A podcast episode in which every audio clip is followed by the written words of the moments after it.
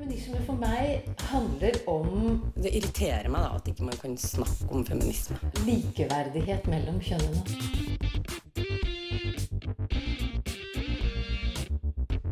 Det blikket på kvinnen på film. handlet det om å bli tatt på alvor som jente. Du hører på Et eget rom på Radio Nova. Trønderpolitikk, det hviterussiske presidentvalget og en ny visepresidentkandidat i det amerikanske valget. Det er noen av temaene som står på dagsordenen denne mandagen når Et eget rom tar for seg noen av de sakene som har hendt den siste tiden.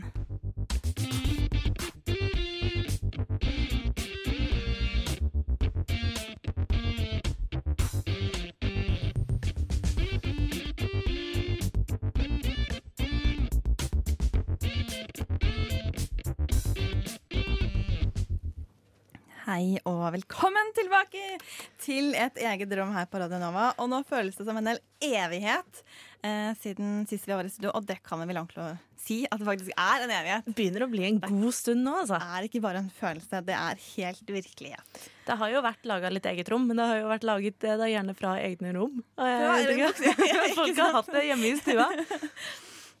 Robin eh, Frøyen, hvordan føles det nå å ta på headset og sette seg ned foran en eh, mikrofon igjen? Det føles, det føles hjemmekjært. Det føles litt sånn ekstra godt. Og akkurat nå, i dette studioet, så føles det også ganske varmt. Ja. det, sommeren virkelig blomstrer her inne i studio. Sensommeren eh, står på for fullt. Ja, men det er sånn boks. Jeg er sikker på at liksom halvparten av varmen er liksom fra juli fremdeles. Den er bare ikke sivet ut uh, ennå. Det kan nok stemme. Mitt navn er Linda Rosberg, og vanlig så har vi jo ett overordnet tema. Nå blir det litt sånn eh, godt og blanda sending, egentlig. Bare for å komme i gang og ta tak i noe av det som har skjedd eh, den siste tiden. Og så skal jeg komme med en liten eh, innrømmelse. Jeg er så lei alt som har med korona å gjøre. Men vi kommer ikke helt unna det nå heller, for vi skal snakke litt om det sånn nå i starten av sendingen. Vi skal rett og slett snakke litt om eh, munnbunn. Men eh, før eh, vi, Robin og jeg tar den praten, så kickstarter vi litt med musikk. I Was Before ble stiftet i 2015 og har vært kjennetegnet av litt sånn hardtslående og dansbare låter, som likevel har et lag av ettertenksomhet. Og her er det med låta 'Fixation'. Fixation hører du her, og det er av I Was Before som eh, sang og danset eh, for oss. Eller de danset sikkert ikke, men vi danset litt der i studio. i hvert fall. Vi, vi danset litt. Nå I august så kom det anbefalinger om å bruke munnbind, i hvert fall i Oslo og Indre Østfold. Eh, når man ikke kan holde én meter avstand. Kollektivtransporten ble vel særlig nevnt da. Og dette med å bruke munnbind eller ikke har jo vært en litt sånn debatt helt siden man begynte å snakke om korona i mars. Eh, skal man eller skal man ikke? Men det er noe det er noen grupper mennesker som eh, man kanskje ikke husker på når man eh, diskuterer eller bruker munnbind. Og eh, jeg synes vi skal starte med et lite klipp, så vi får litt sånn idé om hva vi faktisk skal snakke om. There's a reason that I want you to be able to see my lips.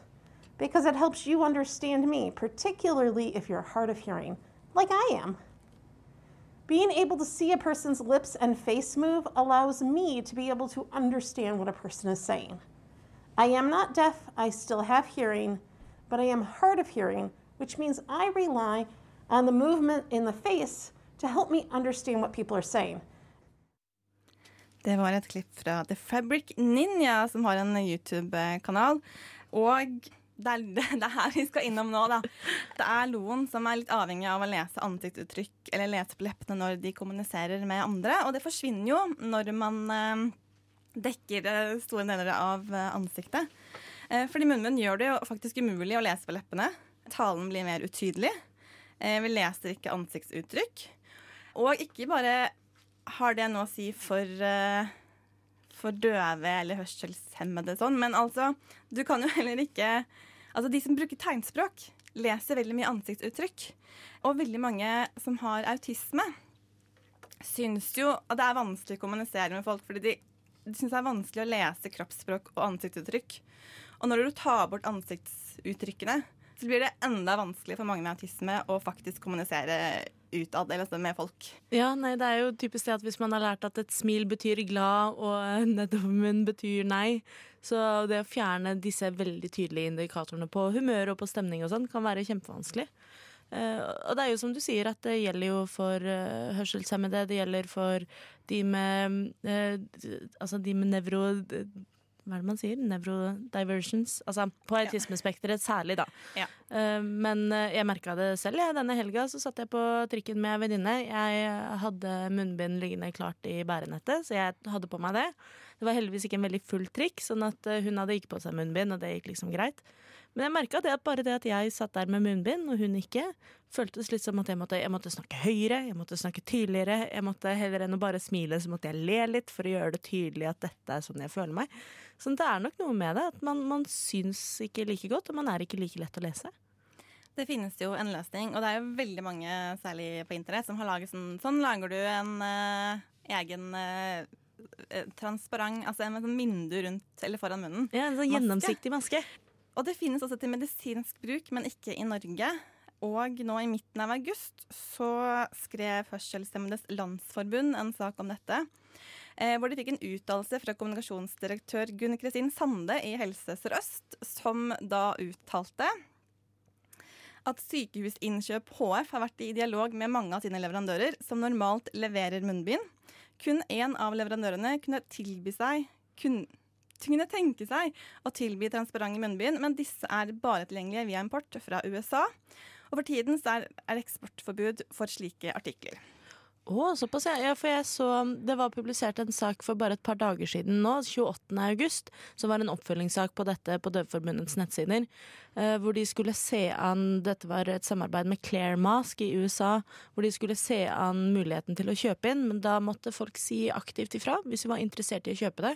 For det ville i utgangspunktet være såpass dyrt at de ikke hadde råd til å gjøre det som en overordnet avtale, men at man aktivt måtte se an hvor eh, stort eh, behov det var. Ikke sant? Det kan jo ha vært endringer på kort tid mellom her. Men det de også sier i den saken, det er at eh, sykehus i Norge har tatt kontakt med andre leverandører. Som nettopp pga. det det er for lite etterspørsel, ikke vil sette i gang og produsere det til eh, medisinsk bruk. Men det er jo interessant også, for det er jo, jeg tror de som aktivt uh, reacher ut og prøver å få tak i dette, er jo nødvendigvis da f.eks. Døveforbundet og så, og så videre. Men jeg ser jo for meg at hvis det ville blitt mer tilgjengelig, så er det nok flere som også ville satt pris på å ha et gjennomsiktig munnbind. For da de på autismespekteret, eller om det er bare mamma som liker å se deg smile, så er det jo hyggelig å ha muligheten. Um, jeg plukket opp det her i sommer fordi britiske medier har skrevet mye mer om det enn det jeg har egentlig ikke sett noen norske medier skrive om det her. Men jeg kan ha gått glipp av det, det skal jeg innrømme. For i Storbritannia så har det vært påbudt med munnbind. Men noen grupper har vært uh, unntatt fra dette forbudet. Og der er det flere organisasjoner som har reagert på at dette unntaket har ikke blitt godt nok kommunisert. Altså Folk har ikke fått med seg at det er grupper i samfunnet som ikke trenger å bruke munnbind, selv om det egentlig er påbudt. Eh, og som har ført til en del eh, situasjoner. Og eh, SENS er en organisasjon som jobber særlig med døve og hørselshemmede. Og de, hadde, de ble intervjuet av BBC i juli og fortalte at de har fått veldig mange henvendelser fra folk som blir liksom skjelt ut på gata av fremmede mennesker som nekter å tro på at eh, de har en grunn til å ikke bruke munnbind. Ja, Fordi man blir veldig sånn der, sint og aggressiv, og, og man er redd, og det er virus, og man vil ikke bli syk. og Det blir veldig sånn, det er mye følelser. Men jeg merker det selv også, at jeg blir jo kjempemoralpoliti selv. Selv om her i Norge har vi ikke et påbud engang. engang. Vi har oppfordring til å bruke det særlig i rushtid på steder hvor det er mye folk på kollektivtransport. I eh, Storbritannia så er det jo fulgt et forbud som er mye likere den amerikanske modellen, hvor hvis man skal ut og handle, hvis man skal i butikken, på shopping, ut og reise, hva som helst, så skal du egentlig ha på munnbind idet du går ut av huset. Såpass har det jo eh, heldigvis ikke blitt i Norge ennå. Eh, Men jeg merker fremdeles at jeg er den som sitter og stirrer stygt på de 98 prosentene på trikken. En tjåkfull trikk i firetida i Oslo som ikke har på munnbind. En, eh, en konsekvens av at man har påbud, er jo at de som sliter med å lese kommunikasjon, ikke tør å gå ut av døra. Det er jo nettopp det som er Eh, viktig å tenke på. Og så har en løsning på det at man kunne, kunne kjøpe sånne buttons hvor det står 'jeg er døv' eller 'ta hensyn, jeg har hørsels' eller 'nedsatt hørsel'. Men da var det en kronikk i The Guardian eh, nå i juli som poengterte det at men det er også Akkurat den bøtten handler også om en følelse av sikkerhet. Ja, det blir med en gang veldig personlig utleverende det å gå med en button om 'hei, dette er min funksjonshemming eller Ja. nedsettelse'. Dette, det at- det blir jo nesten et brudd på personvern omtrent, det å En- måtte skilte med det på den måten. Ja, en at Man skilte med det på den måten, men, men eh, døve og hørselshemmede er jo også mer utsatt for trakassering og vold enn andre, nettopp fordi at jeg har akkurat det handikappet. Det er helt sant. Eh, så det er liksom flagget at jeg eh, hører dårlig, eller jeg er døv, er jo litt sånn kom og ta meg, liksom. Ja, Det samme gjelder hvis man skal gå med en 'jeg har autisme'-button, som eh, både det å være hørselshemmet og det å være på autismespekteret er i den forstand usynlige diagnoser for mange. Så det å plutselig måtte skilte med det for ikke å bli skjelt ut på åpen gate, det, det blir litt sånn eh, Det, det er en, et forståelig dilemma, da. Eh, vi skal fortsette å snakke litt om eh, munnbind her i et eget rom, men fra et litt annet perspektiv. Eh, det gjør vi ganske snart. Vi skal bare trekke pusten litt og riste litt løs til sørsamiske Maria Mortensson og Gie Manne. Maria Mortensson hørte du der. Eh, sørsamisk. Låta var også på sørsamisk. Gie Manne. Tidligere i august så gikk Landsforeningen for PTSD, eller posttraumatisk stresslidelse, ut på sine nettsider med noen råd for å gjøre det lettere for eh, å håndtere anbefalingene om å bruke munnbind i kollektivtrafikken. Men da, eh, før vi går gjennom de eh, tipsene, hva vil det si å ha posttraumatisk stresslidelse, og hvorfor gir munnbind noe utslag der?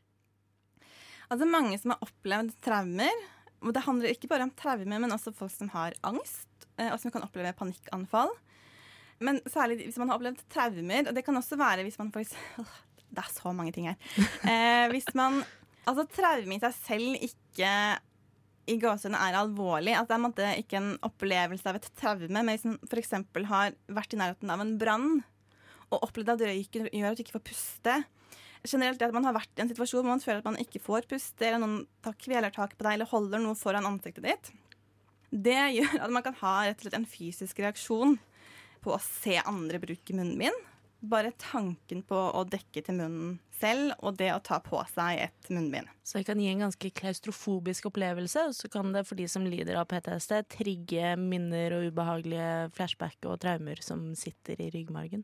Men det gjelder da for, for flere enn bare de som har en traumelidelse. Ja. Mm. Klaustrofobi, altså du nevnte jo klaustrofobi, altså de som har klaustrofobi vil jo også kunne ha store problemer med å ta på seg et, eh, et munnbind. Jeg merker jeg måtte venne meg til det selv. Jeg, jeg sliter med klaus på Ikke gode, gamle sant? måten. Så det, Eh, og The Guardian de hadde en sak 10. august om at mennesker som er utsatt for voldtekt, opplever å bli stigmatisert for ikke å bruke munnbind i Storbritannia, hvor det vi har sagt eh, før er eh, påbudt. ja, det er ikke den button du har lyst til å gå med midt på brystkassa. Den øh, jeg er voldtektsoffer, eller jeg er traumatisert, eller jeg har angst, derfor bruker jeg ikke munnbind. Jeg tror den button den skal vi holde oss øh, greit unna. Den skal vi holde oss unna. Og det, eh, det er en organisasjon som heter Rape Crisis, eh, som jobber da eh, åpenbart med voldtektsutsatte. Og deres måtte, brukere eller medlemmer de har hatt kontakt og sagt at én ting er at det er problemer for dem med munnbind, men hvis noen liksom refser dem på gata, så blir det også sånn Også det i seg selv er med på å liksom trigge den derre Men jeg har faktisk opplevd eh, å blir liksom overfallsvoldtatt, kanskje. Så det er ikke bare at munnbind er problemet, men folks reaksjoner på at de ikke har det, også er et problem. Eh, med tanke på at det trigger angst og panikk. Og angst og panikkanfall er altså grunn nok i Storbritannia til å ikke bruke munnbind. Men nok en gang da, så er det dette med at man ikke Man blir liksom følelsesstyrt, og så får man kanskje ikke med seg at det er grupper i samfunnet som slipper å bruke munnbind. Ja, nei, og så er det nok øh, det, det er en så hårfin balansegang hvor det er vanskelig å finne den ideelle løsningen der. For da blir det jo også litt sånn at det øyeblikket du går uten munnbind, enten så er du av den amerikanske tro at øh, staten kan ikke pålegge deg noe som helst, eller så sier du på en måte ved å gå uten munnbind at hei, jeg har dette problemet, jeg har en lidelse, eller jeg har en funksjonshemming, eller jeg har en traumatisk fortid. Og det er jo ikke noe man vil skilte med, da. Også, det kan jo også være litt sånn usynlig. Definitivt. At man ikke ser det. Og da er det veldig mange En ting er at hvis du eh, har nedsatt hørsel, at det kan være tøft å liksom bli skjelt ut på grunn av det og ikke bli helt trodd. Men hvis du har opplevd et overfall, ikke nødvendigvis en voldtekt, men at noen har overfalt deg på gata og slått deg ned, og det sier det er grunnen til at jeg ikke bruker munnbind, og så blir man litt sånn Man er redd for å bli litt sånn hånet og liksom ikke få den omsorgen som man faktisk trenger da, når man møter på sånne flashbacks til stadighet. Ja, ikke sant. Heldigvis så er det jo, som eh, du begynte på i stad, så har eh, Forbund for PTSD eh, kommet med noen tips. Jeg vet ikke om det var de du tenkte på, men det har, de Jo, det det jeg de har jeg på. titta på, i hvert fall. Kom, kom med det, Robin. Det første er jo litt sånn Ja, sånn generelt da, så er det jo vanskelig å kunne avgjøre Bør man gå med munnbind og øve seg på det, eller bør man gå uten munnbind og respektere det? Men disse tipsene, det er i hovedsak fem tips de går igjennom. Hvor det første er at man eh, kan øve med munnbind i korte intervaller og i trygge omgivelser. Og det er jo typisk litt sånn eksponeringsterapi fungerer. Gjøre det i trygge omgivelser og i korte intervaller. Eh, De foreslår å kanskje prøve det fem minutter hjemme, og så, hvis du tør, ta det ti minutter ute på en liten tur i nærområdet, og med en gang du føler et ubehag, kom deg inn og kom deg hjem og ta det av. Eh, Så det første tipset, er å prøve i små intervaller i trygge omgivelser. Øve seg opp. Øve seg opp. Mm. Det er kanskje det viktigste tipset av alle. Ja, da blir du jo ikke så synlig heller, hvis du eh, endelig klarer å kanskje øve deg opp til ja, at du kan ta den her kvarterslange trikketuren fra A til B.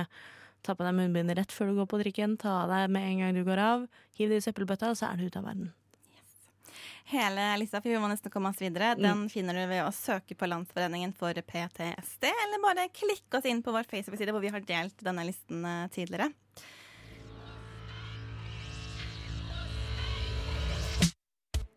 Absolutt eget rom. Et helt ekte eget rom. Et eget rom. Et helt seriøst og morsomt eget rom. Et eget rom, Radio Novas feministiske program.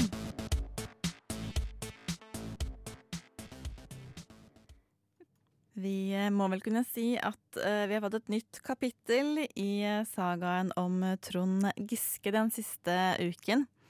Andrea Berg skulle egentlig hjulpet oss med en liten gjennomgang, men hun er dessverre blitt uh, syk. Men kort um, oppsummert. Trond Giske ble innstilt som ny fylkesleder i Trøndelag Arbeiderparti før årsmøtet deres, som var nå i helgen. Og det førte til mye debatt og eh, kritikk. Det ble en ny runde med utmeldelser av partiet, en ny runde med historier og oppgjør med en ganske dårlig partikultur i Trøndelag, som Giske har vært en eh, stor og viktig del av. Og etter at Trøndelag AUF trakk sin støtte til innstillingen, så valgte komiteen å vrake Giske i sin eh, innstilling. Eh, og det har jo vært et lite rabalder. Eh, og Hans Bårdsgaard er kommentator i Nasjonen, og han, har, eh, han hadde en kommentar på trykk eh, fredag 28. august. Og han har tatt et sånn dypdykk i kommentarfeltene, dvs. Si da på sosiale medier, til trøndermediene. Eh, og prøvd å få en sånn oversikt over hva er det kommentarfeltet mente om eh, det som skjedde der oppe i Trøndelag. eh, Det syns jeg er modig, det å ta et dypdykk i ethvert Ja. kommentarfelt. Og her er eh, et lite utdrag. Kvinnene i Ap bør la være å drikke alkohol og holde seg unna festlige sammenkomster. Å, jeg blir så, jeg blir så provosert!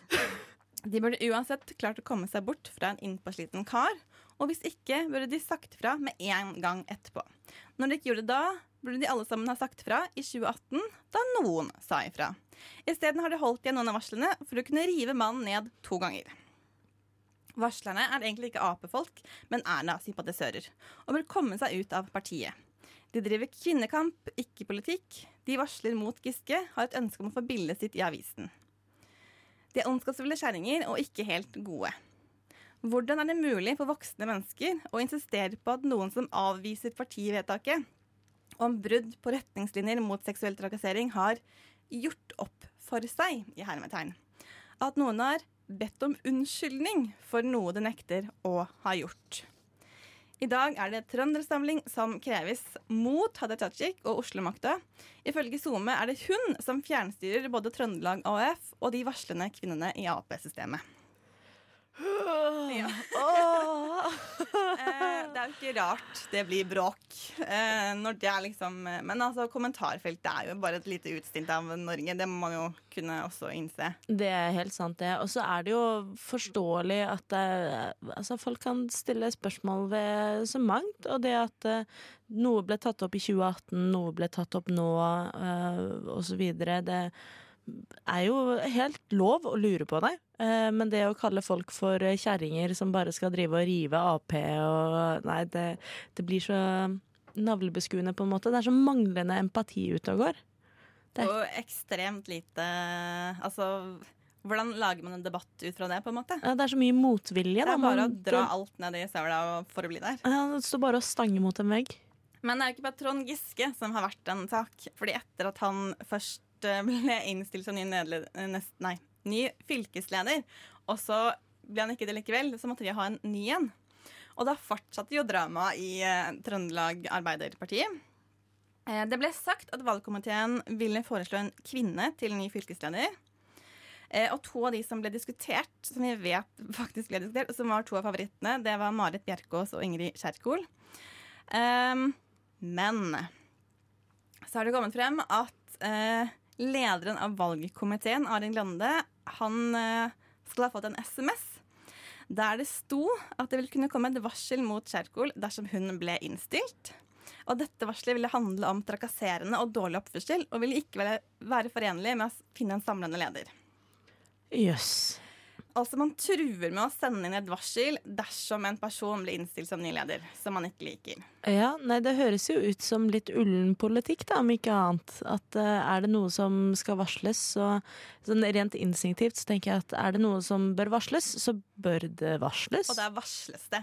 Ja. Man truer ikke med å gjøre det, Nei, da høres det ut som at det er litt eh, urent mel i posen, som det heter. som det heter. Det er i hvert fall mye urent eh, i trønderposen. Mye urent mel i trønderposen. Det stopper jo ikke der. Um, Arild Grande skal ettertid har sagt at han ikke kunne stille seg bak eh, hun Ingrid Kjerkol som ny leder. Så hvis valgkomiteen vil gjøre det, så ville han trekke seg. Det burde han ha gjort kanskje uansett, kan man si. Og det endte jo da med at det var eh, Marit Bjerkås som ble innstilt. Nå har noen sagt at den SMS-en ikke var avgjørende, mens andre har sett at selvfølgelig var det avgjørende for eh, innstillingen til komiteen. Og så har det jo endt opp med at det var jo Ingrid Kjerkol som ble valgt fordi at noen benket henne. Ja. Det ble kampvotering, og hun vant ganske overlegent, faktisk. Hun vant vel med over 150 stemmer mot Altså totalen var Ja. 233. Sånn at eh, da fikk hun jo et godt flertall eh, med seg i ryggen. Um, og feiret med annet å spise middag med Trond Giske, så det var jo uh, Ja, for altså, interessant nok. Det kan godt hende at mange opplever henne som en person som ikke er den rette til å ta fylkespartiet videre. Det kan godt at hun har blitt oppfattet som en lite uh, Altså en person som ikke er den beste til å lede noen og ta liksom det her videre.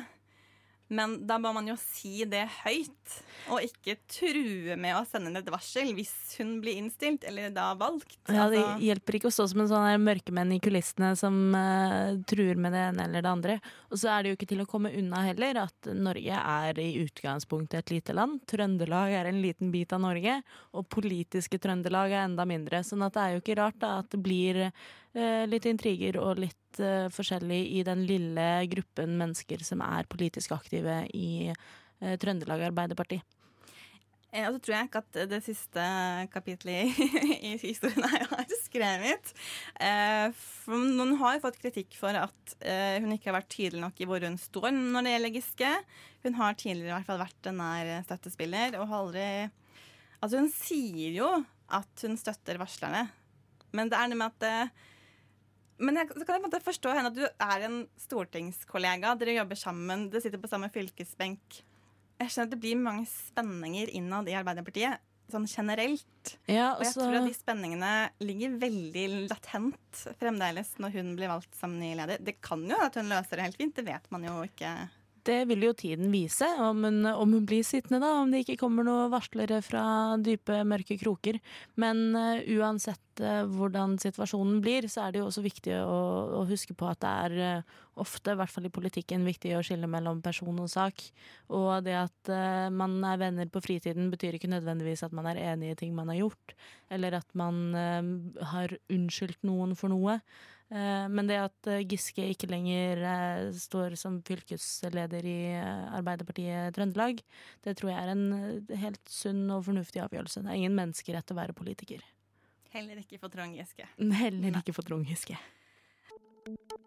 Det handler jo selvfølgelig om likestilling, Noe som frigjøring, tror jeg er litt mer sånn Hvis man skal se litt mer radikalt på det. Du hører på et eget rom. Radio Novas feministiske program. Det har skjedd en hel del ute i verden i den siste tiden. Og kanskje er det særlig to kvinner som har vært en del av nyhetsbildet. En av dem, Kamala Harris, skal vi snakke om ganske snart. Men det er en annen kvinne som vi også skal bli litt bedre kjent med. Det er hviterussiske Svetlana Tikhanovskaja, som ble den fremste kandidaten for opposisjonen i presidentvalget som var tidligere i august i Hviterussland. Og her får du en liten oppsummering. Aleksandr Lukasjenko han har sittet som Hviterusslands president sammenhengende i 26 år. Han omtales ofte i media som Europas siste diktator, og under hans tid så er det få som har våga og ikke minst lyktes i å utfordre makta. Frem til nå. Svetlana Tikhanovskaja hun har klart det umulige, nemlig å svekke Europas siste diktatur og Lukasjenkos maktposisjon. Hvem er hun, og hvordan har hun klart det? Svetlana Tikhanovskaja, eller Sveta, som tilhengerne hennes kaller hun, hun er født inn i den tidligere Sovjetunionen og har vokst opp i Hviterussland. Hun var rundt tolv år da Lukasjenko kom til makta i 1994. Så hun og alle andre som vokste opp med Lukasjenko, de kjenner til et Hviterussland som ikke er fritt, hvor innbyggerne overvåkes, og hvor det slås ned på all form for opposisjon mot styringsmaktene. Menneskerettighetsforkjempere og politikere de fengsles, og landet er faktisk det siste i Europa som praktiserer dødsstraff. De fleste i Hviterussland de er også statsansatt, noe som skaper frykt for å miste jobbene sine om de motsier seg styresmaktene eller Lukasjenko. Sveta hun er opprinnelig utdanna engelsklærer, men hun har de siste årene vært hjemmeværende med barna sine. Hun har altså fram til nå levd et liv ganske langt utenfor politikken. Siden 2010-tallet så har den økonomiske situasjonen i landet forverra seg veldig. Og i år med korona, hvor Lukasjenko i bunn og grunn har latt som om viruset ikke eksisterer, så har misnøyen bredt seg blant hviterusserne.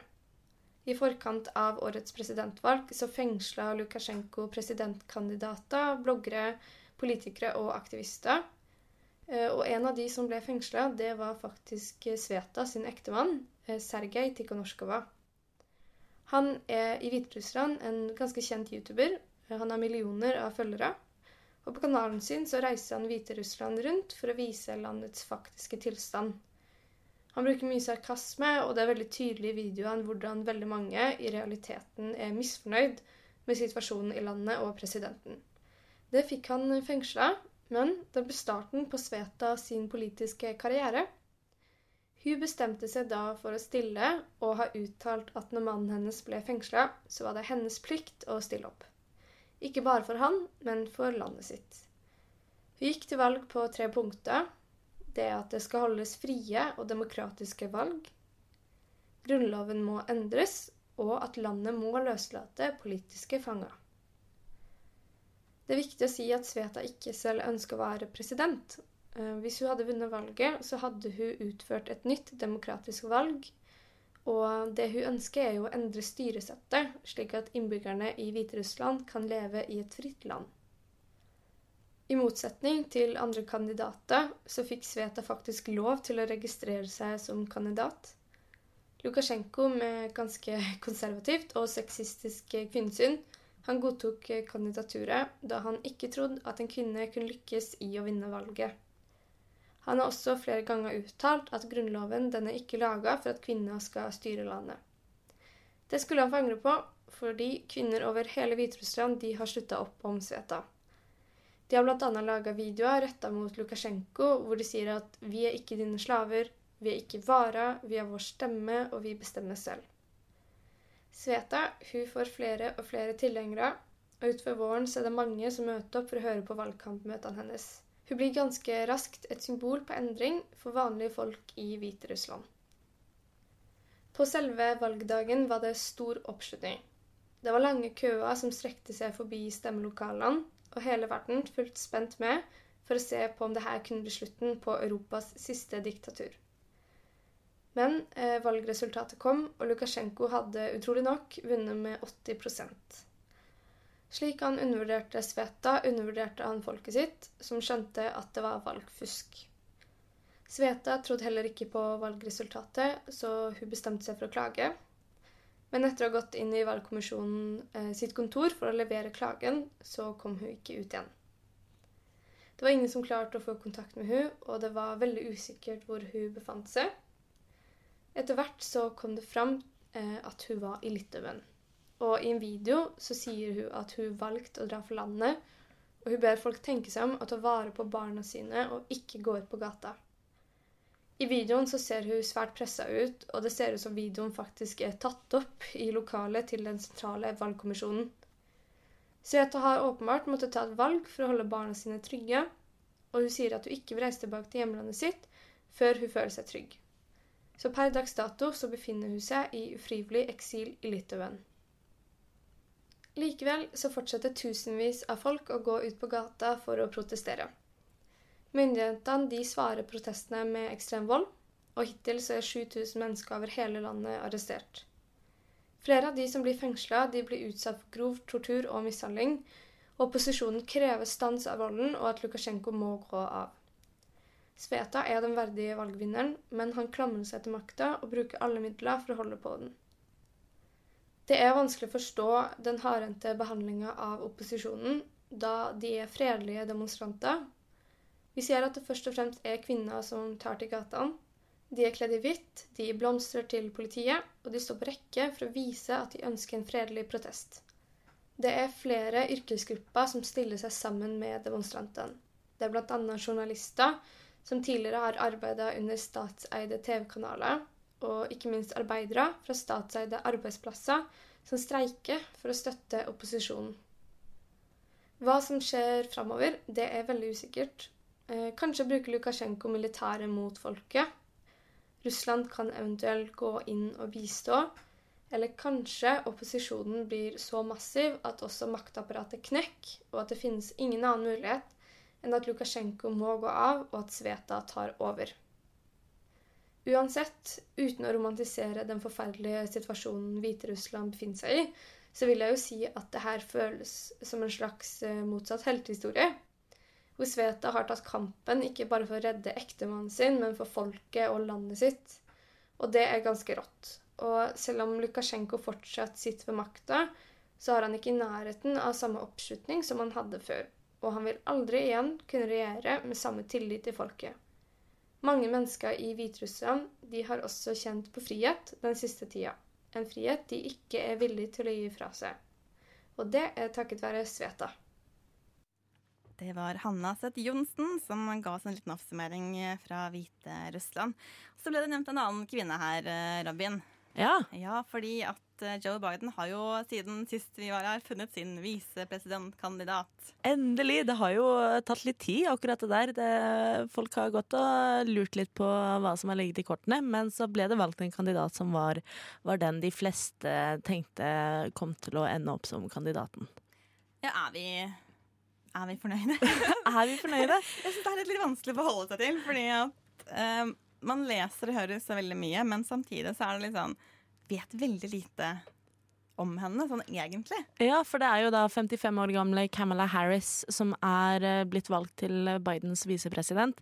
Hun er jo eh, tidligere eh, har, har, tidligere hatt en stor rolle i det amerikanske rettssystemet. Har vært eh, statsadvokat for San Francisco og følgelig justisminister i California fra 2011. Og stilte selv som presidentkandidat i januar i fjor, men trakk seg i desember. Um, og det har jo vært litt fram og tilbake på uh, hvorvidt hun er veldig progressiv, eller om hun kanskje er litt konservativ. Uh, det er nok ikke til å komme unna at hun er nok mer konservativ enn motpartene Sanders og um, Gud, hva er det hun heter? Nå står det helt stille for meg. Elizabeth Warren er vel Warren. en av de som er mer på Jeg har det i notatene mine et sted, men jeg har skrevet litt for mye notater. Eh, men jo, nei, hun er mer konservativ enn Warren og Sanders, men igjen kanskje litt mer progressiv enn eh, Biden er. Eh, det blir jo på en måte en litt mer sentralisert, demokratisk regjering, holdt jeg på å si, hvis vi, hvis vi får det, da. Men eh, motstanderne er allerede i gang med de villeste konspirasjonsteorier. Og det ene var jo er hun egentlig kvalifisert. Uh, hun er jo født i USA, men det er jo ingen av foreldrene hennes. Nei, hun har vel uh, Faren er jamaikaner, og moren er uh, Indisk. innvandrer som flyttet til USA for å gå på universitetet. Så det er det, men så er det jo også Det er jo ikke helt uvanlig at amerikanske medier kan finne ut at kvinner ikke nødvendigvis er kvalifiserte.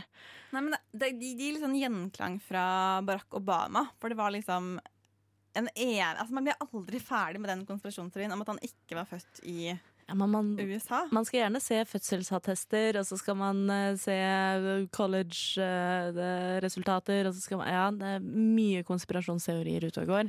Nå er det også litt ullent akkurat dette med Camilla Harris, fordi hun har vært i rettssystemet i såpass mange år. Hun har vært i rettssystemet på den demokratiske siden og har vært statsadvokat og justisminister. Eh, og i den tiden hun eh, jobbet som, eh, som statsadvokat, hun begynte allerede på 90-tallet som assisterende advokat på statsadvokatens kontor, og har vært med på denne prosessen hvor det har vært om å gjøre å være tough on crime, at du skal slå hardt ned på kriminalitet, og slå hardt ned på the war on drugs, og hele dette opplegget der. eh, Som har ført til at det har vært en del saker hvor mange mener at hun har vært for hard. At hun har bidratt til denne mass incarceration, altså massefengslingen i USA. For de som er nysgjerrig på det, så kan jeg alltids tipse om The 13th, som er en dokumentar på Netflix. Men eh, nei, så det er, det er mange som har vært litt engstelige for at hun igjen da, er eh, mer konservativ enn hun gir uttrykk for. At hun har profilert seg som en progressiv eh, advokat og som progressiv i det demokratiske systemet for øvrig, men at hun i praksis ikke har like mye å vise til. Men samtidig så har jo Trump-gjengen altså De gjør alt de kan for å få folk til å tro at hvis hun og John, eh, Joe Biden vinner, så vil jo alt bare Da kommer liksom eh, Bare faller-. Bare faller fra hverandre. Da skal liksom alle ut av fengsel, og liksom de fattige kriminelle svarte kommer liksom til ditt nabolag, og du kan aldri være trygg mer i ditt liv. Og så er det De lever virkelig i to verdener som bare krasjer. Eh, Som er litt sånn fascinerende når man ser det utenfra, egentlig. Det blir jo en veldig sånn topartiretorikk som er helt uunngåelig. Jeg tror uansett hvem Biden hadde valgt som visepresident, så ville vi fått den typen retorikk i det klimaet der.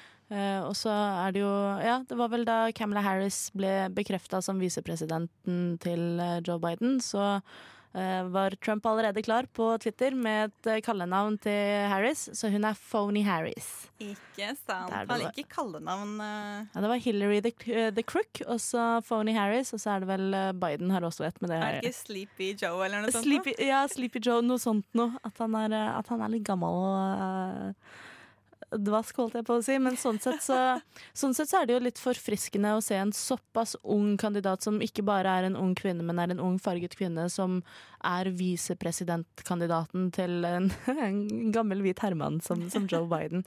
Uh, og hvis du sammenligner det med Trump-administrasjonen, så er jo Camilla Harris er et litt friskere pust enn Mike Pence. Ja, definitivt, må man vel kunne påstå. Um, hun har fått en del kritikk, men så har jeg lest Det var vel Blikk som eh, hadde en veldig liten sak om at hun er litt mer sånn pro LHBTQI på deres spørsmål, eller deres rettigheter. Ja, det, eh, jeg føler at det er jo nesten ikke helt å komme unna når Camilla Harris har vært eh, statsadvokat for eh, San Francisco, den eh, skeive hovedstaden i USA. Eh, hun har jo vært ganske for eh, en felles ekteskapslov og jobbet aktivt for det. Jeg tror også da den felles ekteskapsloven ble innført, så var hun en av de første til å vie et homofilt par. Eh, og det, det var Blikk skrev om dette 13. august, en liten sak om det. Så det lover jo godt sånn sett. Men det virker som det har vært lite snakk om det i presidentkampanjen hittil.